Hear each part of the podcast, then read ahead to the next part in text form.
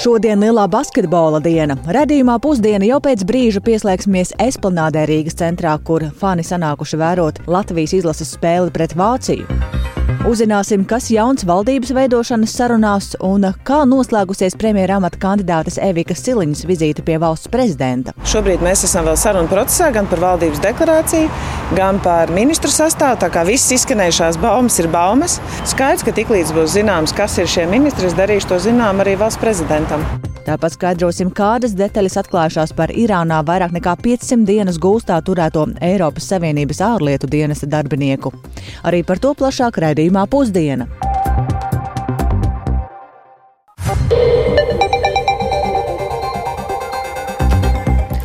Piecas minūtes pāri 12. skanējumu sāk trešdienas, 6. septembra ziņu raidījums pusdiena ar plašāku skaidrojumu par šodien būtisko. Studijā Dāca Pēkšēna. Esiet sveicināti! Mūsu zeme Latvija šobrīd skan kā Latvijā tā Manilā, kur līdzjutēji tur īkšķus un jūt līdzi mūsu Latvijas basketbola izlasē, kas tikko ir sākusi ceturdaļu fināla spēle, tiekoties ar Vāciju, un tas, ka esam pasaules astoņu labāko izlašu vidū, jau ir neticams panākums, bet vēl neatkarīgi no šīs dienas spēles arī vairākas spēles mums ir priekšā, kur jāparāda sevi no labākās puses, un neatkarīgi no atrašanās vietas tam ir gatavs arī sastais spēlētājs, jeb līdzutēji, to apliecina arī fani, kuri šobrīd pulcējušies Rīgā, Esplanādē, sekojot spēles tiešraidē. Ja par rezultātu, tad šobrīd sākusies ir otrā ceturdaļa un Vācija Vācijai ir izdevies Latvijas pārsvaru mazināt rezultāts pat labāk. Ne, tik, tikko arī mainījās rezultāts. Vācija ir priekšā 17-16, bet par emocijām, kas valda esplanādē, tad vairāk ir gatava stāstīt kolēģi Agnija Lazdiņa, kas tur atrodas. Sveika, Agnija! Sveiki! Ir dienas vidus, cik daudz cilvēku ir atraduši laiku, lai skatītos spēli esplanādē un atbalstītu mūsu basketbolistus Rīgas centrā? Šeit ir ieradušies, ne, neskatoties uz to, ka ir dienas vidus, šeit ir patiesi ļoti, ļoti daudz cilvēku. Atmosfēra, atmosfēra šeit ir diezgan saspringta, jo ik viens skatās uzmanīgi un vēro līdzi spēli. Jāatzīst, ka šeit ir ieradušies visa vecuma fani, kas ir gan ar atribūtiku, kā karogiem Latvijas, gan arī ģērbušies komandas izlases kreklos. Ļoti visi cilvēki, katrs uzmanīgi seko līdzi. Un Un uh, ik pa laikam var redzēt, ka nāk ar vien jauni fani, kas varbūt ir atraduši brīvu brīdi, lai atnāktu redzēt spēli. Jā, nu šobrīd daudz vietā darba vietās, uh, iespējams arī skolās ikdienas darbi ir pakārtoti šīs dienas spēlē. Mēs pirms brīža arī pa atvērtu logu dzirdējām, ka mums blakus esošajā finanšu ministrijā visticamāk arī seko līdzi basketbola izlases spēlē. Dzirdējām līdzekļus, kā tev izskatās, um, vai arī skolās šobrīd, tu šeit no rīta biji vēl kādā skolā, vai arī skolās seko līdzi spēlei? Jā, es no rīta biju Rīgas valsts trešajā gimnājā, kuras aprunājos gan ar skolēniem, gan ar skolas direktoru. Un, kā man stāstīja skolas direktors Andris Priekulis, tad skolā ir ļoti daudz skolēnu, kas nodarbojas ar dažādiem sporta veidiem, taču basketbols jau kopš seniem laikiem ir ļoti tuvs un ar ko skolēni vienmēr esat aktīvi nodarbojušies. Taču šobrīd basketbolam ir jo īpaša nozīme, jo Latvijas basketbola izlases komandā ir arī trīs gimnāzijas Latvijas absolventi, proti Dāvis un Dairis Bertāni, kā arī treneris Artūrs Visockis Rūbenis. Taču par sekošanu līdzi šīs dienas spēlē, tad eh, direktors stāstīja, ka jau laikus skolotāji viņam esot vaicājuši, ko darīt un kā atļaut skolēniem sekot līdzi spēlē un arī paralēli turpināt mācības. Un tad nu, risinājums ir gluži vienkāršs. Ja mācību priekšmeta vielu skolotājs spēja apvienot ar basketbola spēli, tad droši tai var sekot līdzi. Un, piemēram, latviešu valodā gimnāzijā šodien ir skolotāji sagatavojusi materiālu, kas ir saistīts ar Latvijas basketbolu futbola komandu, ko skolēni tad pildīs un paralēli attiecīgi arī sekos līdzi spēlei. Bet arī skolas vadība ir padomājusi par šīs dienas spēli. Un uh, gan skolas bibliotekā, gan uh, pirmajā stāvā ir novietoti ekrāni, lai skolēni starpbrīžos varētu sekot līdzi pašai tiešraidei spēles. Un uh, man bija iespēja aprunāties arī ar 10. un 11. klases skolēniem, kas atzīst, kas cenšas sekot līdzi katrai Latvijas komandas spēlei. Un paklausīsimies, kādas tad ir viņu emocijas par šodienas spēli? Ir prieks, ka arī bērni, kas seko līdzi, varēs saprast, ka, ja tu tiešām gribi tikt pie mērķa, tad tu arī tiks pie mērķa, neskatoties no skolas. Tiešām iepriecina un uh, skatoties spēles, arī pašam gribas kļūt labākam basketbolā.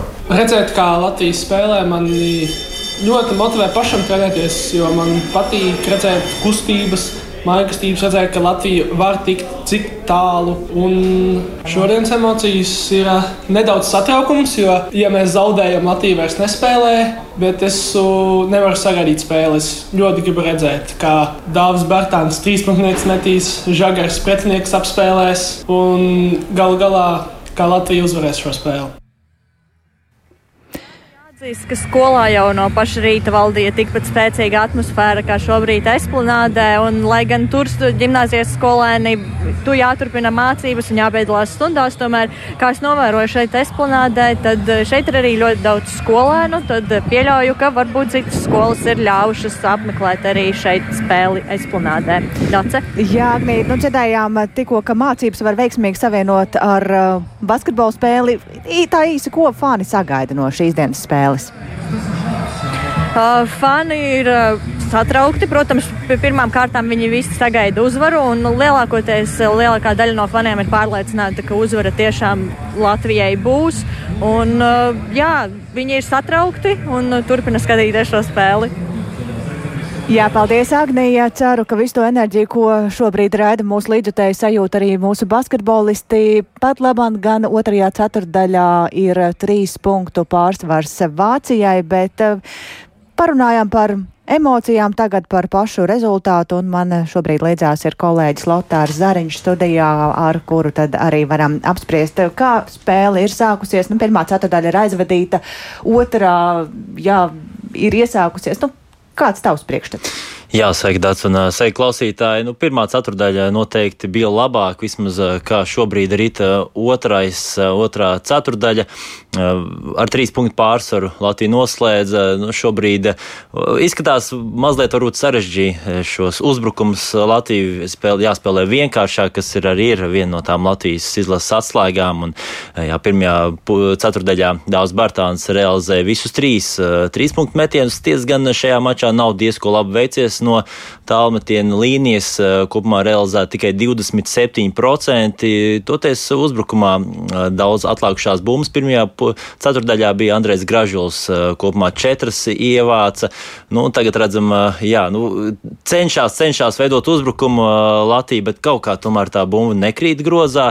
Andrejam Gražulim viens no lielākajiem spēles laikiem pagaidām mačā. Var redzēt, ka turnīra laikā Luka Banki uzticās arvien vairāk šim, var teikt, kārtīgam aizsardzības tīkla spēlētājiem, kurš arī labi sevi izmanto uzbrukumā. Un uh, otrajā puslaikā pirmos punktus guva Artūrs Kuruts uh, pēc nospēlētas pusotras minūtes. Uh, jā, nu, kā jau minēju, varbūt cenšas izdarīt pārāk daudz, bet gaidām tādu vienkāršāku spēli no Latvijas un noteikti būs arī sekmīgāks rezultāts. 6 minūtes 12 sekundes atlikušas līdz otrās ceturdaļas noslēgumam. Rezultāts pagaidām vadībā ir Vācija ar plus 3, 23, 20. Mm. Ko tu teikt par mūsu aizsardzību, tad eh, tā būtu šobrīd vairāk jāstiprina vai, vai, vai, vai tieši mūsu uzbrukums? Jā, no ar aizsardzību es teiktu, ka nu, nekāda problēma nav. Vienkārši pēc šīm kļūdām uh, uzbrukumā uzreiz uh, Vācija arī dodas ātrijos pretuzbrukumos, tad nākas veikt, nu, apstādināt pretiniekus ar, ar piezīmēm, līdz ar to spēlētājs tā, tās sakrāja, un tagad jau arī uz sodu metienu līnijas ir Vācijas spēlētāji arī realizē, nu tagad jau ir iekrā, iek, iekrāts plus 5 pārsvars. Kā, jā, varbūt jānomierina šī spēle mazliet tvaiks jāizlaiž, un tad jau lai atkal bumba viegli krīt grozā.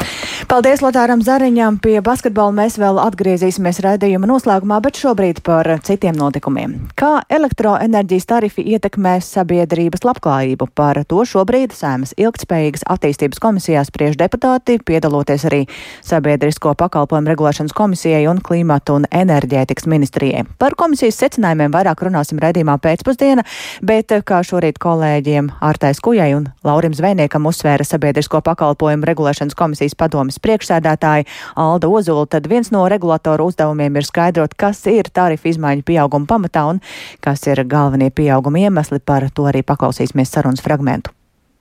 Regulators ir neatkarīga iestāde, kas izveidota, lai izvairītos no politiķu tiešas lēmumu ietekmēšanas, bet mūsu lēmumi ir svarīgi, ka tie ir izmaksās pamatoti. Mēs esam ļoti rūpīgi vērtējuši vairāk mēnešu garumā izmaksu pamatotību, tātad gan sadalījuma tīkla tarifu gadījumā, gan augstsprieguma tīkla gadījumā. Cik lielā mērā jūs spējat pārbaudīt uh, skaitļu pamatotību? Mūsu eksperti veica ļoti rūpīgu darbu. Nu, faktiski līdz pat katrai izdevuma pozīcijai mēs izvērtējām arī bija izmaksas, ko atzinām par neatbilstošām, uz tarifu neatiecināmām. Tās tarifā nav iekļautas. Faktiski ejot cauri pilnīgi visām izmaksu ailītēm līdz pat dažiem tūkstošiem eiro, kas gada griezumā sadalījuma tīklām veidojās. Uzņēmumi reti, kad samazina tarifus. Kā šo problēmu risināt, lai tas varbūt notiktu automātiski, kad nav vairs nav pamata būt tik augstiem tarifiem? Tipiski regulators eh, būtiskās izmaiņas vērtējam gada griezumā un attiecībā uz sadalījuma tīklu. Tātad mums šis pirmais vērtējums bija paredzēts pēc eh, pusotra gada, ņemot vērā, ka nu, tarifs stājās spēkā no 1 jūlija. Tad mēs gribējām sagaidīt veselu kalendārā gada ciklu, bet eh, ņemot vērā gan sabiedrības pieprasījumu, gan arī politiķa aicinājumus, esam gatavi pastīties attiecīgi arī pusgada griezumā uz gada beigām, vai ir bijušas būtisks eh, šīs izmaksu svārstības, kas ļautu iespējams šo tarifu pārskatīt. Un situācijā, ja tās faktiskās izmaksas, kas ir pamatots un attiecināmas uz tarifu, būs zemākas, tad tas tarifs tiks samazināts nu, eh, var būt, protams, arī situācijas. Eh, es negribu runāt par varbūt šogad, jo pārāk ir izdarīt kādas secinājumus, bet eh, ir situācijas, kad faktiskās izmaksas arī var kaut kādu iemeslu pēc būt augstākas. Nu, tas, ko šobrīd arī jauno valdību veidojot, runā par to, ka vajadzētu lēzenāku pārēju uz sadalas tīklu tarifu pieaugumu. Tad tā ir politiķu vēlme, kas nav īstenojama, vai jūs saskatāt, ka tāda iespēja ir? Mēs uh, saskatām, ka ir iespējams ātrāk pavērtēt, vai ir mainījušies uh, kādi būtiski izmaksu ietekmējušie faktori, bet tas, ko mēs kā regulators uh, gan, gan aicinām arī politiķus, gan arī esam gatavi sadarboties, ir identificēt tās mājasaimniecības, kurām ir nepieciešams atbalsts vai papildu atbalsts šo paaugstināto tarifu izmaksu sekšanai, un tur tiešām ir jāmēģina rast risinājumus, lai šo sociālo atbalstu nodrošinātu. Tālūk sabiedrisko pakalpojumu regulēšanas komisijas padomas priekšsēdētāja Alda Ozola, un, kā dzirdējām, tad elektroenerģijas sadalas tarifu pieaugumu ir plānots vēr, vēlreiz vērtēt decembrī, bet tas, kā to līdzsvarot, noteikti būs viens no šī gada uzdevumiem arī topušai valdībai. Taču jautājums ir, cik tālu ir ar pašu valdības veidošanu, un Valdības veidošanas sarunas turpinās ar mērķi nākamo ministru kabinetu balsojumā saimā apstiprināt nākamajā piekdienā, 15. septembrī. Tāpēc sarunas ar valsts prezidentu Edgaru Rinkēviču ir pavēstījusi premjera amata kandidāte Evika Siliņa no jaunās vienotības. Viņa pašlaik atturas komentēt izskanējušās ziņas par politiskajiem spēkiem potenciāli iedalāmajām atbildības jomām, taču sola nekavēties tās nosaukt, ko līdz būs pilna skaidrība. Un pēcpusdienām sarunas arī turpināsies par valdības deklarāciju deklarāciju. Vairāk par eh, progresu valdības veidošanas sarunās ir gatavs stāstīt kolēģis Jānis Kīncis, kurš šobrīd līdzās studijā. Sveiks, Jāni! Sveika, Dati! Sveicināti radio klausītāji! Jā, skaidrībai par nākamajiem nozaru ministriem jābūt līdz nākamajai nedēļai, kad plānota saimā šis būtiskais balsojums par valdības apstiprināšanu.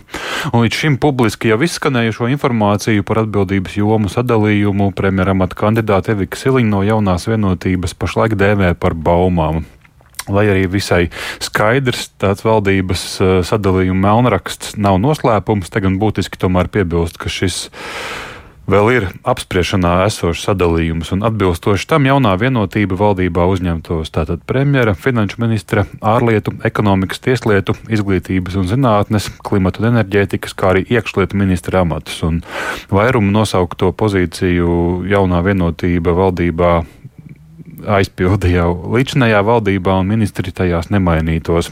Uh, Līdzinājais premjerministrs Krišņāns Kariņš nav izslēdzis, ka varētu būt nākamais ārlietu ministrs un jaunās vienotības pārziņā klāt, salīdzinot ar esošo valdību, būtu ekonomikas un iekšlietu ministriju vadība. No Zaļo zemnieku savienības kā otras lielākās frakcijas varētu izraudzīt nākamo saimas priekšsēdētāju, un ZZS nenoliedz interesi uzņemties pilnvaras pirmkārt zemkopības ministrijā, kā arī vidas aizsardzības un reģionālās attīstības ministrijā, labklājības ministrijā, arī kultūras ministrijā. Komentējot pēdējo, ZZS viens no līderiem līderiem Augusts Brigmanis šorīt Latvijas televīzijā izteicās, ka šajā jomā būti, priekšā ir būtiski izaicinājumi saistībā ar plāniem par sabiedrisko mediju apvienošanu. Savukārt progresīvie varētu būt atbildīgi par aizsardzības ministriju, veselības ministriju un satiksmes ministriju. Tiesa, gan kultūras ministrija, gan arī satiksmes ministrija minētas gan kā ZZS, gan kā progresīvo interešu lokā esošas jomas. Uh, Šāds sadalījums, kā tikko izklāstītais, sakristu ar Evika Siliņas daudzkārt pieminēto vienošanos, ka topošajā koalīcijā ZZS nepretendē uz tieslietu, iekšlietu, aizsardzības un ārlietu ministru posteņiem, un pēc sarunas ar valsts prezidentu Siliņa atzina, ka atbildības jomu sadalījuma proporcija 8, 5, 3 šiem trīs politiskiem spēkiem ir matemātiski precīza, taču atturējās sīkāk komentēt plānus par atbildības jomu sadalījumu. Šobrīd mēs esam vēl sarunu procesā gan par valdības deklarāciju, gan par ministru sastāvu. Tā kā visas izskanējušās baumas ir baumas, skaidrs, ka tiklīdz būs zināms, kas ir šie ministri, es darīšu to zinām arī valsts prezidentam. Mēs šobrīd strādājam, lai tiešām 15. septembrī varētu būt balsojums saimā. Darbs šonadēļ norit gan raiti, un šobrīd visi mērķiecīgi strādājam, lai arī 15. būtu potenciāli balsojums. Tad arī uz to datumu, protams, jābūt arī skaidrībai par nozaru ministrijām. Un eh, šobrīd jau no 2012. turpinās jaunās vienotības, Zaļo un Zemnieku savienības un progresīvo uh, darbi, darbs par valdības deklarāciju un tātad, uzdevumu plānu. Un primārie uzdevumi šajā gadā tātad ir nākamā gada valsts budžeta sagatavošana ar izaicinājumiem veselības, izglītības, drošības un citās jomās, kā arī risinājumi elektroenerģijas sadalas tarifu lēzenākam kāpumam un jautājums par banku augstiem kredītprocentiem. Un vēl jāpiebilst, ka vēlāk šajā pēcpusdienā par sadarbību ar Zaļo un Zemnieku savienību lems partijas gods kalpot Rīgai valde, jau domājot par pēc diviem gadiem gaidāmajām pašvaldību vēlēšanām, bet ne, ne tikai tām. Un šos lēmumus vēlāk būs gatavs komentēt arī parlamentārietis Oļegs Burovs, kurš ir pieļāvis atbalstu jaunajai topošajai koalīcijai, bet tas būs jau vēlāk pavakaras pusē. Paldies!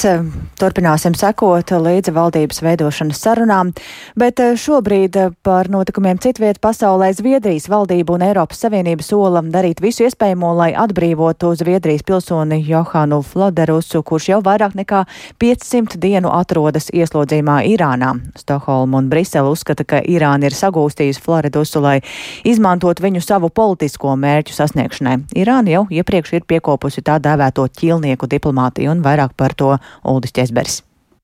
Zviedrijas pilsoni un Eiropas Savienības diplomātiskā dienesta darbinieku Johanu Floderusu arestēja 2020. gada aprīlī Teherānas lidostā, kad viņš pēc Irānā pavadīta atvaļinājuma gatavojās atgriezties Eiropā. Irānas varas iestādes viņu apsūdzēja spiegošanā un ieslodzīja Teherānas Evinas cietumā, kur savulaik ir nonākuši daudzi pazīstami īrāņu politieslodzītie.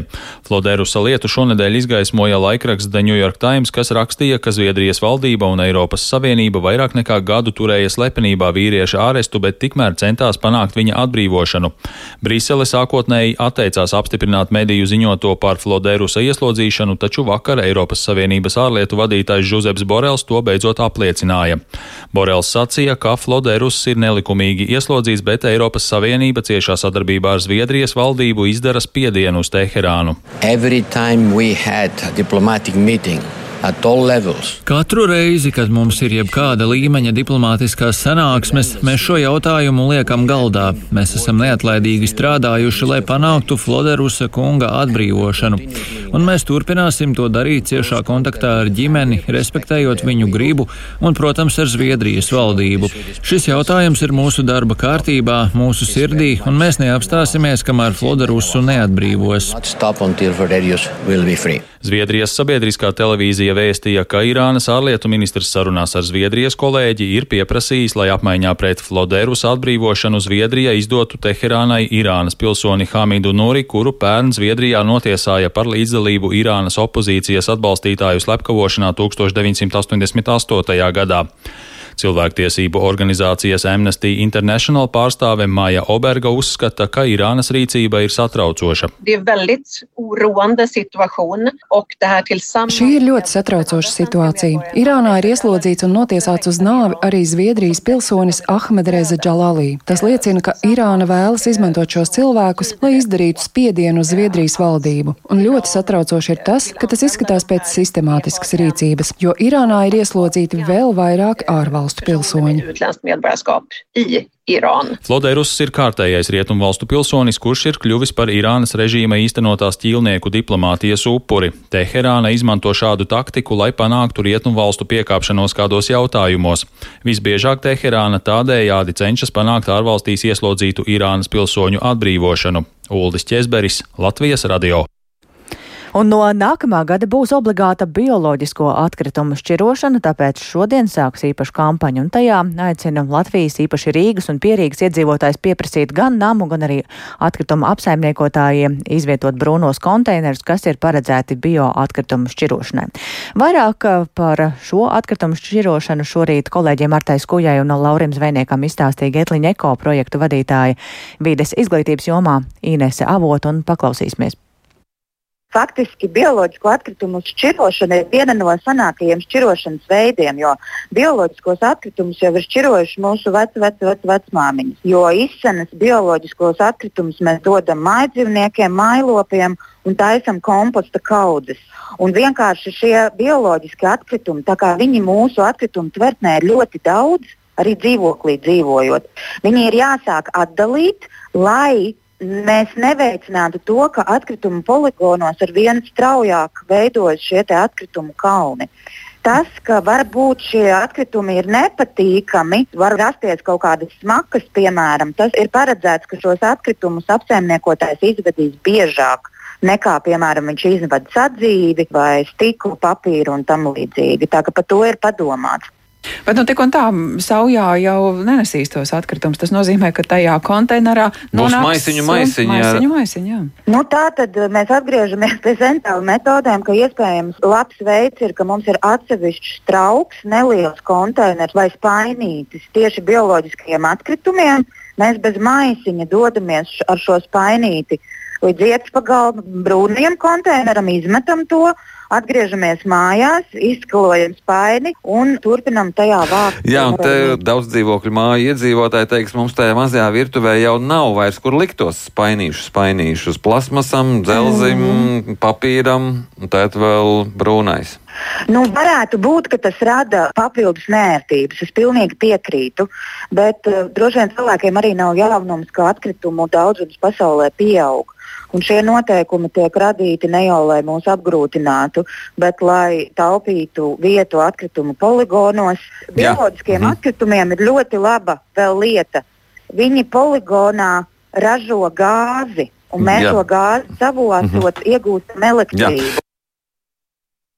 Par šo tematu vairāk arī raidījumā pēcpusdiena, bet tagad gan atgriežamies pie šīs dienas galvenā notikuma - basketbola. Lotārs Zariņš atkal līdzās man studijā. Esam ļoti tuvu otrās ceturdaļas noslēgumam, 25 sekundes ir atlikušas un šobrīd uh, ir pārtraukumu paņēmusi Latvijas izlase. Jā, Lotār, nu, ko tu vari teikt? Nu, gandrīz jau par pirmo puslaiku. Jā, nu, pēc eh, pēdējās runas reizes um, Latvija mazliet uzlaboja gūto punktu procentu. Jau mūsu pieminētais Andrēs Gražuls, nu, fantastiski aizvada pagaidām šo maču. Viņam arī treneris, treneris uzcās ļoti daudz, divas pusāķi metienus no groza apakšas guva. Un, nu, trīs minūtes pirms puslaika noslēguma Latvija vēl nebija izpildījusi nevienu trīs punktu metienu, bet tad pieslēdzās Artūrs Žagars un arī Dāvs Bērtāns labi kopumā aizvada šo spēli no tālmetienu distances realizējis ir 4 no 5 tālmetieniem, un tagad jau pēdējās sekundes, rīt 10 sekundes vairs tikai un Artūrs Žagars ar bumbu. Nu, skatīsimies, vai izdosies vēl izpildīt metienu. Nu, izskatās, ka nē. Bet jā, pēdējās trīs sekundes, nu katrā ziņā par pirmo puslaiku pagaidām Latvija ir iedzinējos ar mīnus divi. Jā, nu šajā ceturdaļā rādījās, ka stratēģija vairāk mainīta uz cīņu groza apakšā un pagaidām, nu varbūt noteikti varam vēl pagaidīt, kamēr realizēs cerams metienu un Šmīts tagad ar bumbu un mm Tomēr, ne, tomēr, tomēr neizdevās. Tomēr neizdevās, jā, un pirmais puslaiks noslēdzies ar rezultātu 36, 34. Nu, jādodas atpūtā, jāatpūšas, un tad jau ar cerību nākamajā. Puslaikā. Nu jā, visā šajā ceturdaļā būtībā visu laiku par dažiem punktiem Vācija bija priekšā. Turēsim īkšķus, sekosim līdzi mūsu basketbolistiem, bet um, šobrīd izskan raidījums pusdiena, ko producēja Kārlis Dagilis, ierakstus montēja Renāš Šteimanis par labskaņu rūpējās Una Gulbe, un ar jums sarunājās Dāca Pēkšēna. Atgādināšu, ka raidījums pusdiena klausāms arī sev ērtā laikā Latvijas radio mobilajā lietotnē, meklējot dienas ziņas, un tāpat arī Latvijas radio ziņām var sekot līdzi sabiedrisko mediju ziņu portālā LSMLV un sociālajos tīklos. Ēterā mēs tiekamies atkal rīt redzamā pusdiena. Yeah.